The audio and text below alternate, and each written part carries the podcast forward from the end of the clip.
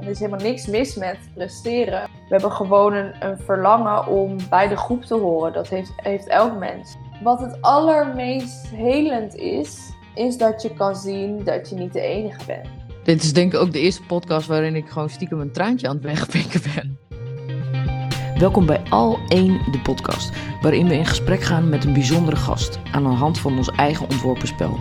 We praten over onze dromen en angsten en wat ons verbindt in deze wereld van snelheid en oppervlakkigheid. Ik ben Jessica, een van de drie spelmakers en deze aflevering is bij mij te gast. Jill Besaye, welkom. Dankjewel. Wij introduceren onze gastsprekers aan de hand van jouw Instagram bio. Dit wist jij niet, wat ook fijn is, want dan heb je het dus niet aangepast. Onze vorige gastspreker die heeft het een klein beetje aangepast toen hij het wist. In jouw Instagram eh, bio staat Conscience Performance, prestatiepsycholoog voor high performing vrouwen. Presenteren vanuit verbinding met jezelf. En ik sla eigenlijk direct aan op prestatiepsycholoog. Wat Mhm. is een prestatiepsycholoog? Dat is een psycholoog die zich heeft gespecialiseerd in eh, presteren. Dus dat is ook ehm, ja, de richting die ik heb gekozen voor mijn afstuderen toen ik nog studeerde. Ehm dat is eigenlijk sport- en prestatiepsychologie. Dus er bestaat een richting binnen de psychologie die zich daar helemaal op focust. Maar als ik sport en prestatie, weet je, dat kan ik dan nog linken. Ja, mensen in de sportvormen die eh, medailles en trofeeën en zo gaan behalen.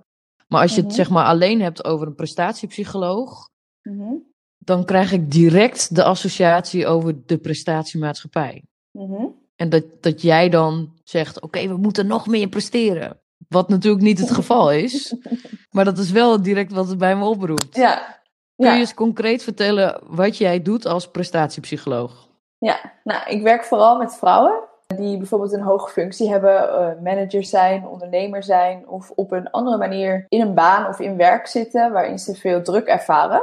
Ja, met hen ga ik eh, in één op één trajecten of in programma's aan de slag om op een gezonde, maar vooral ook bewuste manier daarmee bezig te zijn. Dus inderdaad, wat je zegt, prestatiemaatschappij. Ik begrijp, ik begrijp meteen wat je bedoelt natuurlijk. En we leren natuurlijk niet op school hoe je daar op een gezonde manier mee om kan gaan.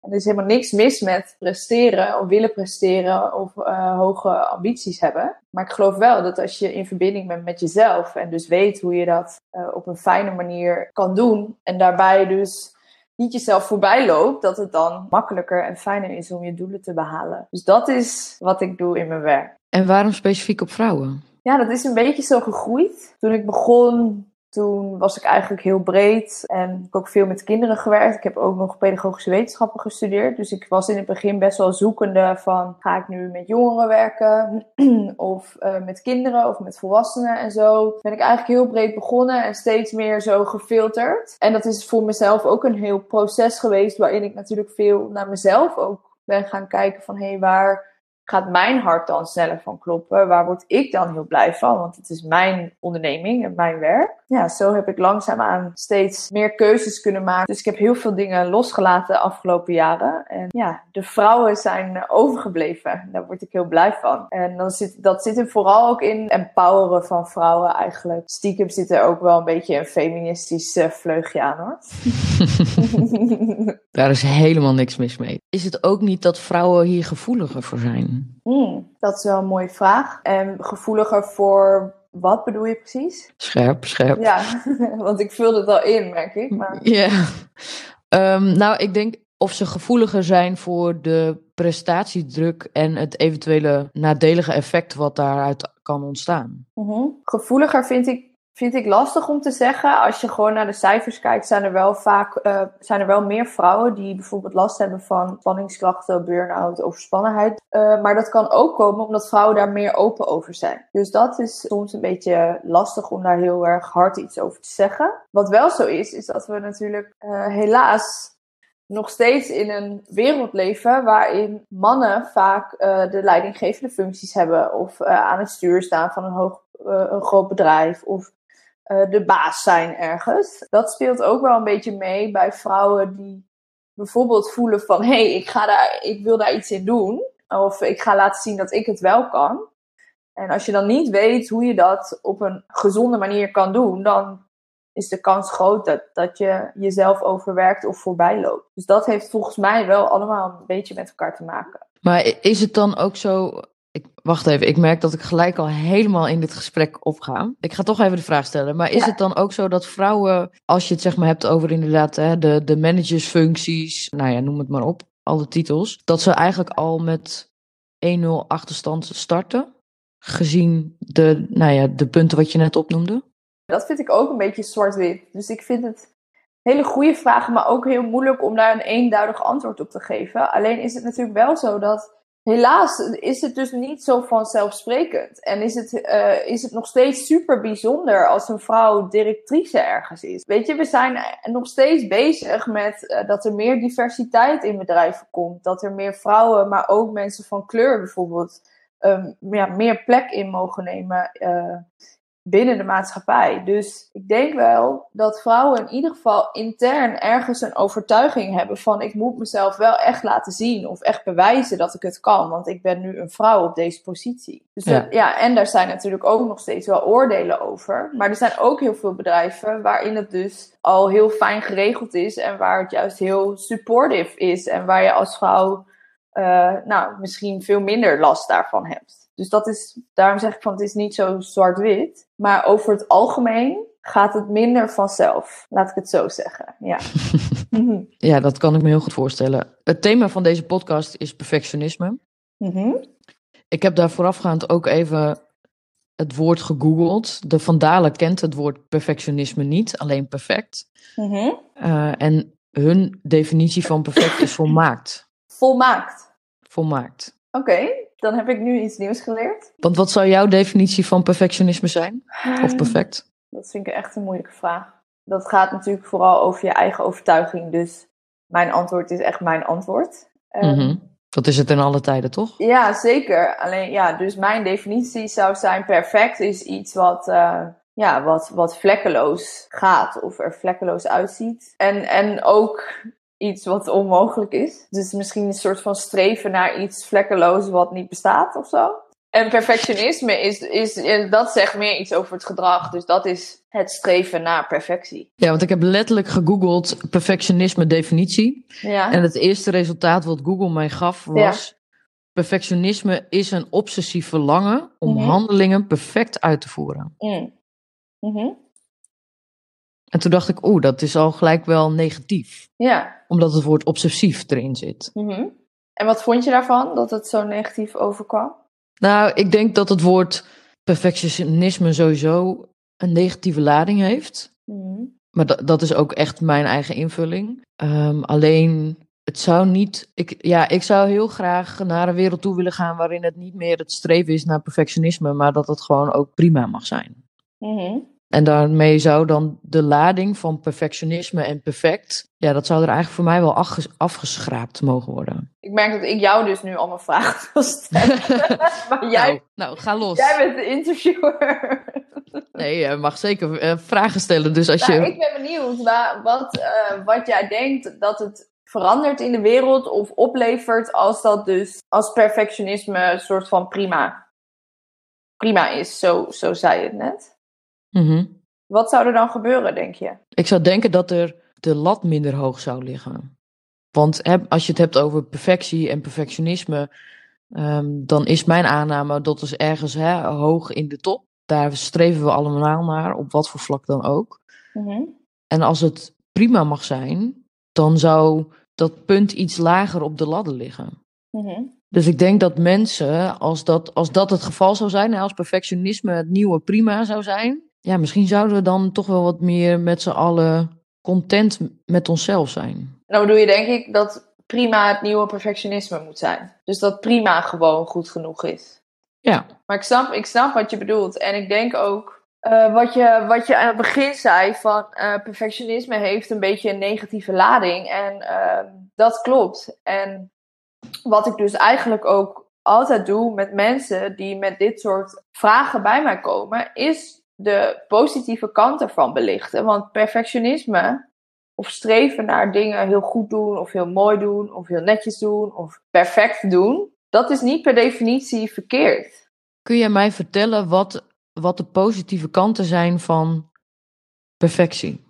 Van perfectie of van perfectionisme? Van perfectionisme. Nou, ik, ik herken het natuurlijk zelf ook. Dus het is ook, ik geloof ook dat ik niet voor niks uh, deze kant van de psychologie inge, ingegaan ben. Ik heb echt een tijd in mijn leven gekend waarin perfectionisme een hele grote rol speelde. En mij ook heeft geholpen met dingen bereiken die ik dus heb bereikt. Dus het heeft er ook voor gezorgd dat ik me, in ieder geval mijn studies uh, bijvoorbeeld heb afgerond. En dat ik daarnaast 20 uur per week kon werken, omdat ik mijn studie zelf moest betalen. Dat ik drie keer in de week naar de sportschool kon, omdat ik ook belangrijk vond om fit te blijven. En dat ik ook nog een relatie had en vriendinnen. En dat al die ballen gewoon, dat dat gewoon ging. Ik denk dat dat voor heel veel mensen wel herkenbaar is, dat je op al die vlakken in je leven, dat je het graag goed wil doen. Dat is helemaal niet per se verkeerd. Alleen als dat um, doorslaat, dan kan je er last van krijgen. Of dan put je jezelf uit. Of dan is het ongezond. Dus er zit wel een stukje waarin het helemaal niet per se verkeerd is dat je bezig bent met dingen voor jezelf goed regelen, bijvoorbeeld. Of dat je streeft naar, als je studeert, uh, cum afstuderen. Dat is helemaal niet per definitie verkeerd. Maar eigenlijk zeg je, er zit een soort van. Er zit natuurlijk een grenslijn in hè, van wanneer je nou ja, het voor, je, voor jezelf te doen is om mm. naar perfectie te, te, te streven. Dank u, mm -hmm. dat woord zocht ik.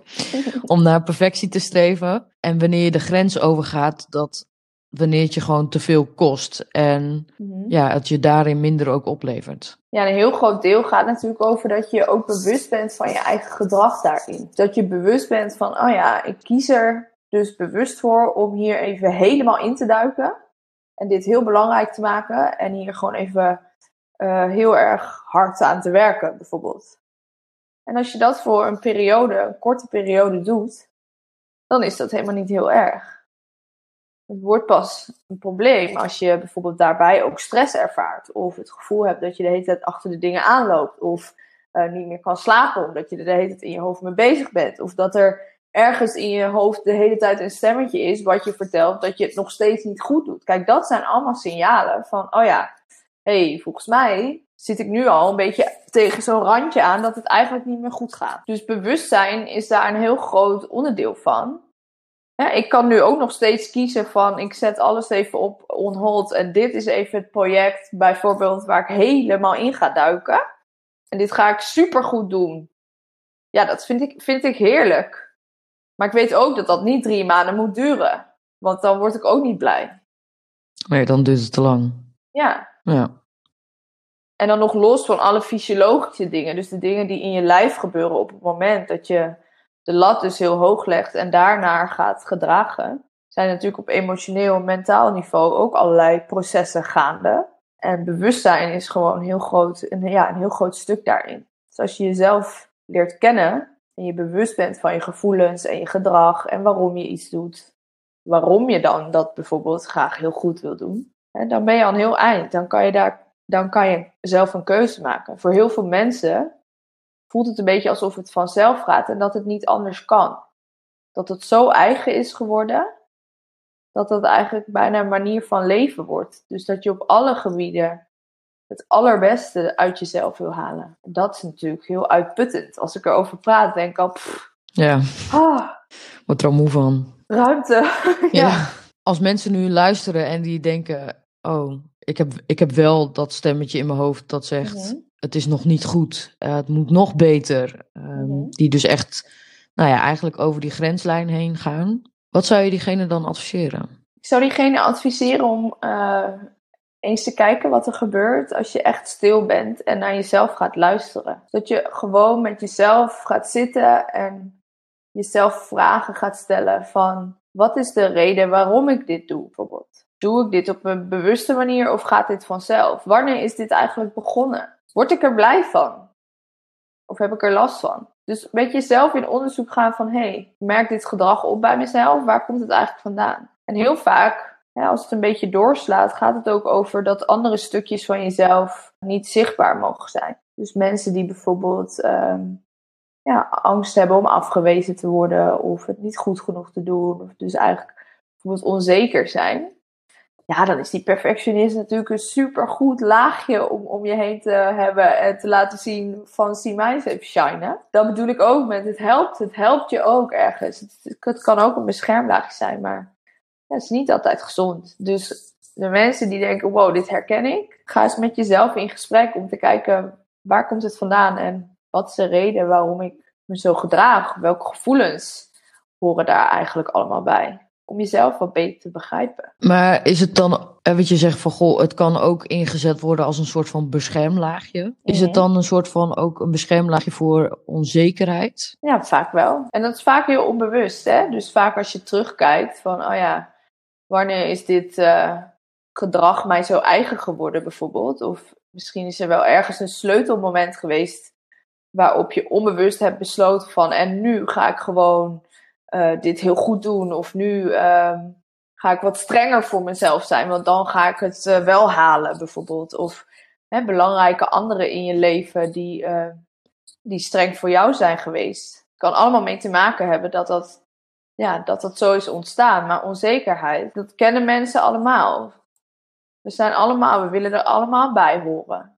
We hebben gewoon een, verlangen om bij de groep te horen. Dat heeft, heeft elk mens. En als je op een moment ja, bijvoorbeeld voelt dat dat in gevaar komt, nou, dan, dan spreek je met jezelf bewust of onbewust af van, oh, als ik me zo en zo gedraag, dan hoor ik erbij. Dus als ik naar mezelf kijk, dan was mijn perfectionisme en harde werken wel ook een manier om om te gaan met ja, bepaalde verwachtingen die in mijn omgeving heel normaal waren. Dat ik dacht, oh ja, dan, dan moet ik ook maar heel hard werken. Want ik wil ook uh, universitair diploma halen. Dat is helemaal niet per se verkeerd. Maar dat mm -hmm. is wel ook voor mij in ieder geval een manier geweest om ja, gewoon maar lekker hard te beuken. en niet die onzekerheid te voelen. Uh, wat er stiekem ook gewoon was. Alleen dat had ik toen natuurlijk niet door. Met terugwerkende kracht heb ik dat over mezelf geleerd. Ja, ik, ik, ik zit nog steeds bij het beschermlaagje. Ik heb daar eigenlijk nooit ja. zo naar gekeken dat perfectionisme inderdaad ook nou ja, een beschermlaagje kan zijn van een diepere laag. Nee. Terwijl als je het nu zo zegt, dan denk ik dat is zo logisch. Ik, ik snap daarin heel goed wat je zegt. Ja, dus dat is om aan de buitenwereld te laten zien van ik chef het allemaal wel en ik ben oké. Okay. Ja. Heb het allemaal voor elkaar en ik doe dit en ik doe dit en ik doe dit. En zie me even lekker gaan in het leven. En dat is gewoon niet altijd waar. En nogmaals, het is ook helemaal niet per se verkeerd als je maar bewust van bent. Dus daarom zeg ik ook, als mensen zich herkennen, dan hoef je het niet per se gelijk helemaal anders te doen. Maar bewust, bewustzijn is daar gewoon het belangrijkste stukje. Van hé, hey, ik doe het weer. Oh ja, waarom ben ik dit dan aan het doen? Oh ja, ik vind het eigenlijk super spannend of ik het wel goed ga doen. Dus ik ga nu ineens heel hard werken. Oh ja, daar is hij weer. Ik kan me zo voorstellen als iemand met jou zeg maar, op werkgebied hiermee over in gesprek bent, dat je heel confronterend kan zijn. Dan kan ik zo, ik zie dat zo zeg maar gebeuren. Wel liefdevol. Confrontatie hoeft niet per definitie een soort van afvallend of, of nee, nee, nee, een slecht niet. iets te zijn. Nee. Maar hoe, hoe kun je liefdevol confronteren? Daar ben ik eigenlijk wel benieuwd naar. Wat ik zelf fijn vind is om de ander vooral tempo te laten bepalen. Dus mijn, mijn stijl is eigenlijk dat de ander heel veel autonomie ervaart. En ik luister en ik stel vragen. Ik gebruik ook graag humor. Dat heb je misschien ook al gemerkt in het gesprek wat wij hebben. Dus nee. we kunnen er ook gewoon... Nee, het is geen reden nee, aan. Nee, Mijn god, wat een zwaar gesprek dit zeg. Nee, dus dat je er ook om kan lachen. En ik vind het zelf heel fijn. En dat is ook wel wat ik merk in de uh, trajecten die ik doe. Om uit te leggen hoe dingen dan een beetje in elkaar zitten. Dus dat is wat ik nu mezelf ook hoor doen. Van, oh ja, dat beschermlaagje. Dan gaat bij jou je ogen open. Van, hé, hey, dat kan best confronterend zijn. En het is dan ook een punt van, hé, hey, ja, dan, dan kunnen we daar ook verder. Hey, nu hebben we het ja. vooral gehad over perfectie, perfectionisme, perfect. Alle, nou ja, woorden die je op één stapel mm-hmm. kunt gooien. Ja. Maar wie is Jill? Goeie vraag. Er komt even een ambulance. Nou, even. Volgens mij is het al twee Ja, de hele tijd. Ik ja. woon naast het ziekenhuis, ja. uh, wie is Jill? Ja. Nou, ik, als iemand aan mij vraagt van wil je iets over jezelf vertellen, dan zeg ik eigenlijk altijd ik ben uh, vriendin, ik ben zus, ik ben partner, ik ben ondernemer, en dan uh, vertel ik ook vaak dat ik hou van uh, lezen. Mijn guilty pleasure is luisterboeken en sporten. En wie ik ben, dat is natuurlijk, ja, dochter ben ik ook. Dochter, ja.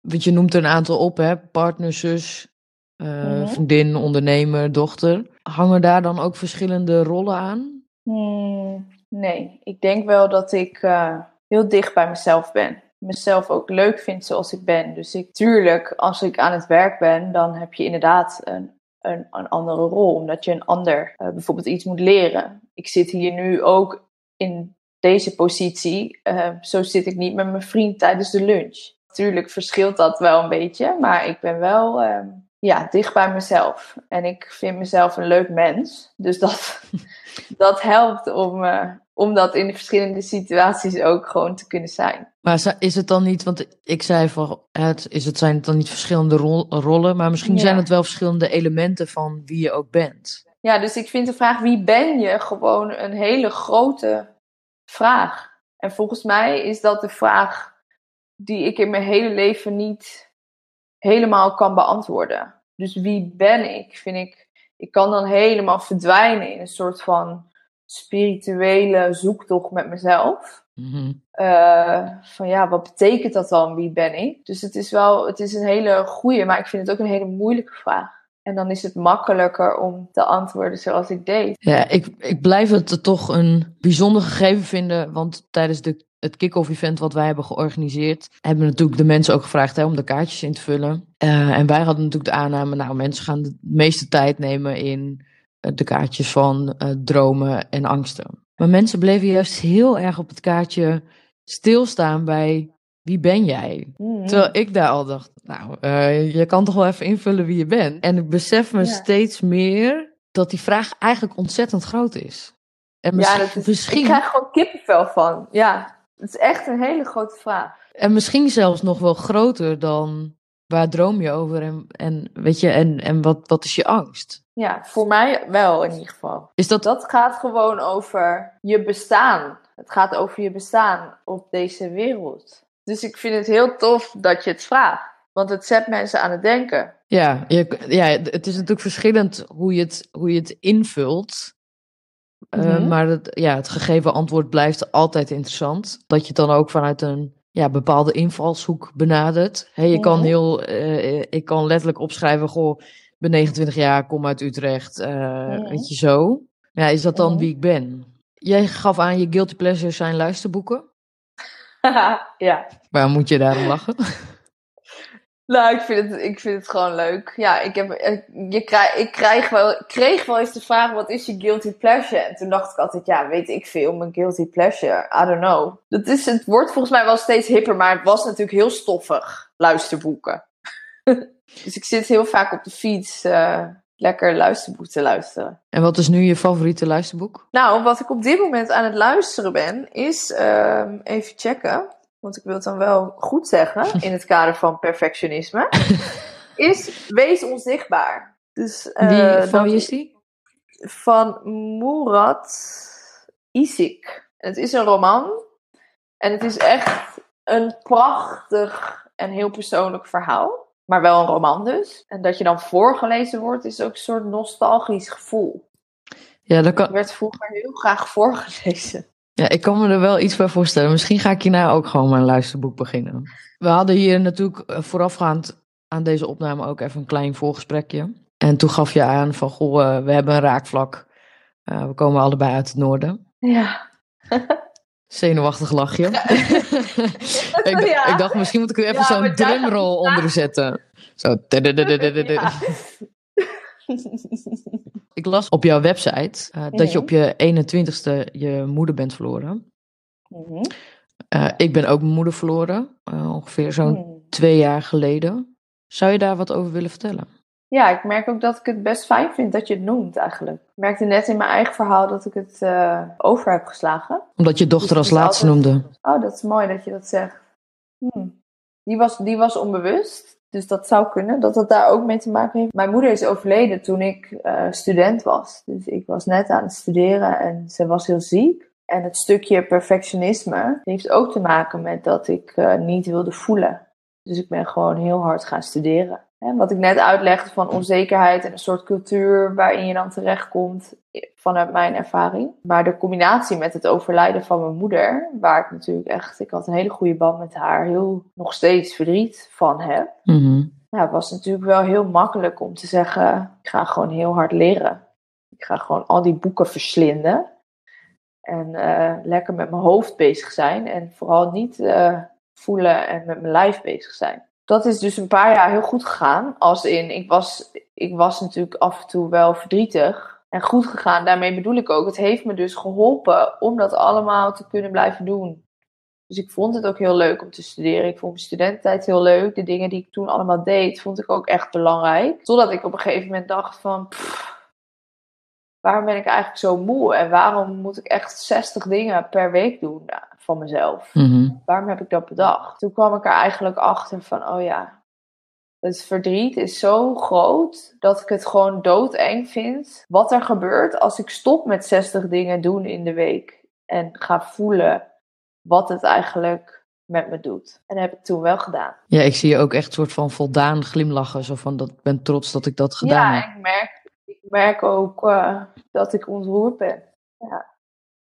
Maar kan ik, kan ik stellen, en dat is misschien wel een beetje kort door de bocht, dat het je natuurlijk iets opgeleverd hebt. Want je zegt dat het is echt over een periode van jaren. Mhm. Dat het uiteindelijk ook, ondanks dat het je iets opgeleverd heeft, het ook een beetje ja, gebackfired is in de zin van dat het Mhm. opnieuw naar boven kwam. Hmm, Zo heb ik het niet echt ervaren. Ik heb, eh, wat ik heb ervaren is dat ik eigenlijk soort van uit contact was gegaan met mezelf. En toen besloot, oké, daar dat, dat wil ik niet meer. En toen ben ik dus bezig gegaan met mezelf. Van, hé, hey, wat voel ik dan? Is het echt zo dat ik dat niet kan dragen? Of ben ik daar gewoon bang voor? Dus het is niet zo dat, dat ik zeg maar na dat besluit ineens alsnog helemaal verscheurd was. Mhm. Maar ik kon wel stap voor stap meer leren om contact te maken met de gevoelens die ik had, die bij het verlies van mijn moeder horen. En daar op een ja, meer gezonde manier gewoon mee omgaan.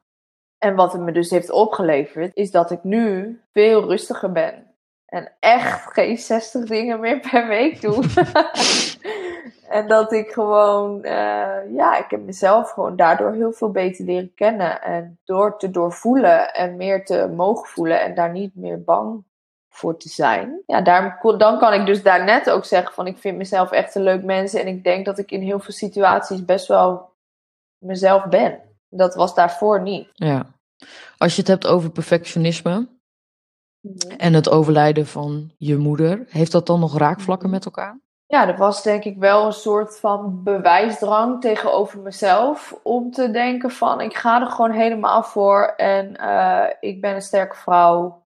En dit gaat me er niet onder krijgen of zo. Dus ik kreeg ook van mijn omgeving heel vaak van ja, je bent zo'n sterke vrouw. En wat knap en wat dapper. En ondanks het verlies van je moeder en je studies. En je doet het allemaal maar en zo. En toen dacht ik ja, later pas van ja, je moest het weten. Ja. Want ik was eigenlijk gewoon hartstikke bang voor wat er zou gebeuren als ik rustig aan zou gaan doen of zo. Ja, wat, Of niet meer. ja. wat gebeurt er dan? Hè? Want dat, dat Ja. is. Ja. Hoe is dat voor jou? Want voor jou is het dus best wel kort geleden. ja, mensen zeggen dat altijd. Ze zeggen zo, ja, twee jaar geleden, dat is zo. Weet je, dat is echt nog recent of zo. En ergens voelt het als nou ja, iets wat al veel langer geleden is. Terwijl ik denk, ja, twee jaar is ook al best wel een tijdje. Maar blijkbaar in de wereld van een ouder verliezen is dat recent. Dus daar moet ik even ook aan wennen. Hmm. Maar mijn moeder was manisch depressief.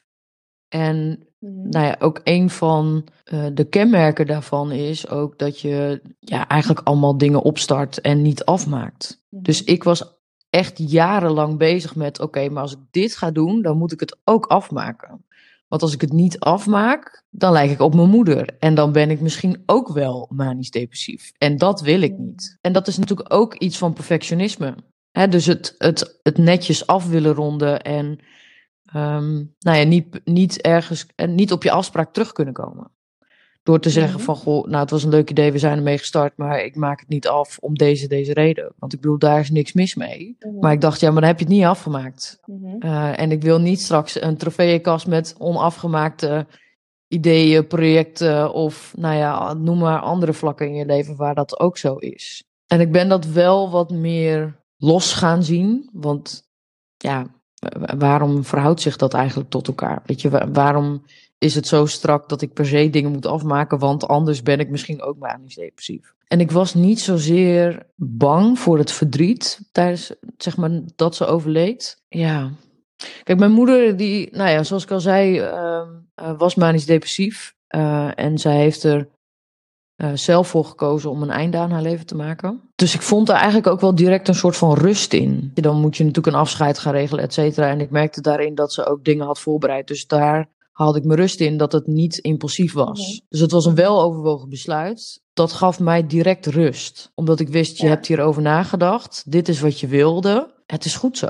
Dat kan ik me wel voorstellen. Alleen wat ik wel nu, nou, ik denk het laatste jaar of zo merk, dat ik ook in één keer stilsta bij.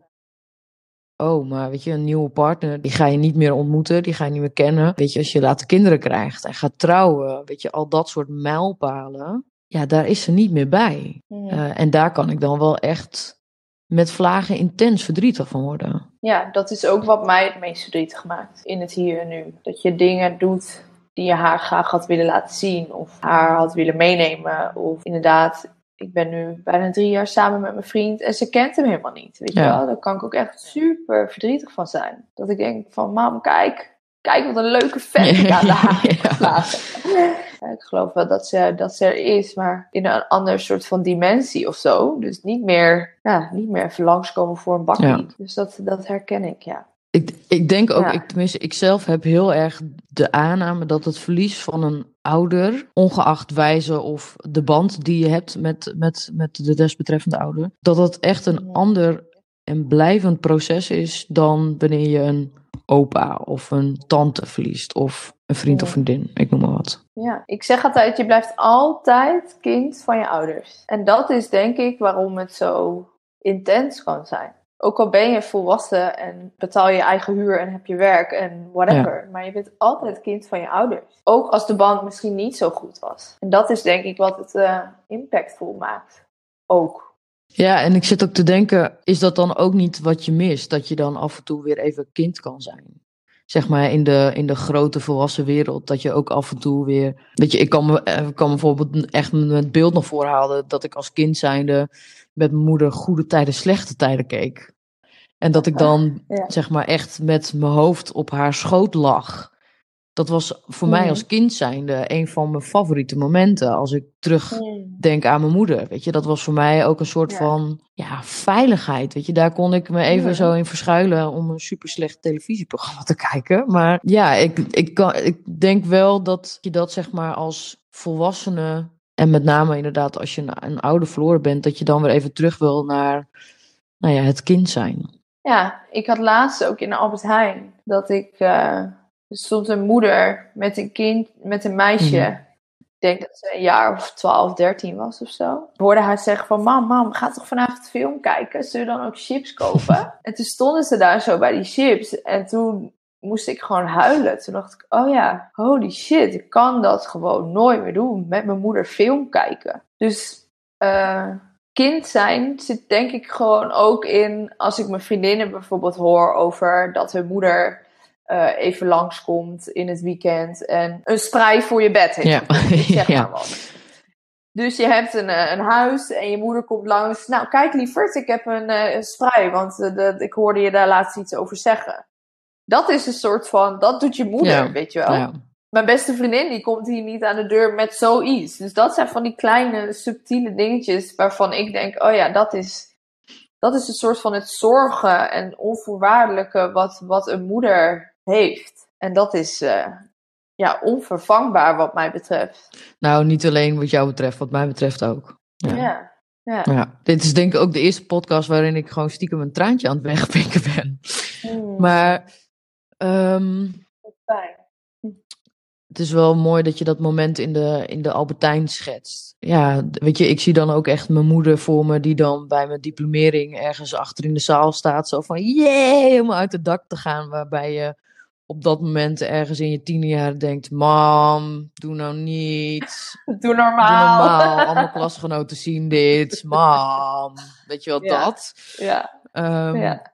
Maar waar ik nu echt soort van, ja, hoe zeg ik dat? Zo, zo, weet je, er komt echt een soort van warmte over me heen. Dat ik denk, oh. En op dat moment dacht ik dat alles behalve, weet je wel, dan is je moeder gewoon super vervelend. Ik heb vooral dat ik soms, als ik door de stad loop, of nou ja, waar ik dan ook loop, dat ik dan iemand, dat ik dan een vrouw zie van achteren die dan een beetje het- hetzelfde kapsel lijkt te hebben als moeder, dat ik in één keer denk, oh, oh nee, nee, Ja. nee, dit, dit, dit, weet je, dat, dat kan helemaal niet. En het is niet dat ik haar zoek of zo, maar meer dan even zo'n moment van gelijkenis heb en dan dus direct ook weer bewust ben van, oh ja, ze is er niet meer. Ja, dan grijpt het me wel echt heel even aan dat ik in één keer denk, oh ja, ze is Ja, er niet meer. in your Ja, face. ja, dan Ja, word je inderdaad echt, nou ja, om over confrontatie te spreken, dat, zijn wel, dat is wel echt een Mhm. confronterend moment. Ja, ik fietste laatst ook een keer achter iemand die de, het geurtje van mijn moeder had. Oh ja. Dat is ook zoiets. Dat komt dan ineens zo in je neus. Dat je echt, ik krijg gewoon hartklopping Ja. van. Want I know, ze is het niet, weet je wel. Maar zo rookt ze wel. Ja. Waarom fiets jij voor me? Ik dan ook. Ik ga weg. Ja. Dat is ook wel weer mooi om aan mezelf te merken van, oh ja, ik ben bezig met dingen mogen voelen. Mhm. Mijn eerste reactie is dan inderdaad, oh, oh dat wil ik niet. Het doet zeer. Ja. En het is wel mooi dat we hier zo op komen, want ik had laatst, ik heb een, eh, een kunstwerk gewonnen van een meisje wat kunstwerken maakt voor overleden dierbaren. Oké. En daarvoor mocht ik een vragenlijst invullen wat ging over mijn moeder. En toen stond er ook iets van, eh, ja, hoe was je moeder voor jou eh, toen je jonger was? En dan was ik zo aan het uitschrijven van, ze was heel eh, supportive en ze was echt super trots op mij en mijn broertje. Dat zei ze ook heel vaak. Mijn moeder schreef ook heel vaak briefjes en kaartjes. En het was echt, als ik dat ook teruglees, dat heb ik natuurlijk ook heel veel dingen van bewaard. Dan kan ik echt zo denken van, wow, jij was echt een moeder die mij gewoon helemaal goed vond, omdat ik gewoon was wie ik ben, zeg maar. Dus het ging haar ook helemaal niet over goede cijfers halen of eh, presteren of dat soort dingen. Dat was helemaal niet aan de orde. En onvoldoende was iets van, nou, jammer lieverd, je hebt je best gedaan. Kan ik je helpen voor de herkansing, weet je zo. Toen werd ik me er ineens bewust van, van oh ja, dat perfectionisme. Dat, dus een beschermlaagje, dat is echt in mezelf ontstaan. Want het is niet van, vanuit mijn opvoeding. Mijn ouders waren gescheiden toen ik elf Mhm. was. Dus ik heb vooral bij mijn moeder gewoond. Dat komt echt niet van haar. En toen dacht ik, wauw, Had je het idee van wel? wat fijn of zo. Nee, ja, ik was gewoon. Ik ben me er wel bewust van dat het ergens rond die tijd vooral is ontstaan. En ik weet ook ergens wel dat mijn moeder gewoon. Die zei ook altijd van: Schat, je bent zelfs nog mooi in een vuilniszak. dat was iets wat ze heel vaak zei. En eh, dat, dat viel gewoon even zo een beetje samen of zo. Toen ik dat aan het invullen was. Die vond alles gewoon helemaal leuk en mooi en goed. Dat, dat leerde mij weer van, oh ja, sommige dingen in het leven die gebeuren. En dan kan je ook vanuit jezelf dus inderdaad bedenken van, oké, ik moet het nu anders gaan doen. Want anders dan eh, red ik het niet. Dus niet alle patronen, dat is natuurlijk waar het over Mhm. gaat, komen uit bijvoorbeeld je opvoeding. Heel veel dingen natuurlijk ook Ja. Maar het kan, een bepaald gedrag kan ook gewoon getriggerd worden door, door situaties die je in je leven meemaakt. Groot of klein. Ja. Is dat ook een van de redenen wat op je angstkaart... Ja, heb je eigenlijk verschillende angsten ook genoemd. Maar je schrijft er ook een beetje aan het einde van eh, de kaart... Ik ben soms bang dat ik ziek word. Ja, dat komt wel omdat mijn moeder ziek was. Ik heb daar gelijk een aanname over.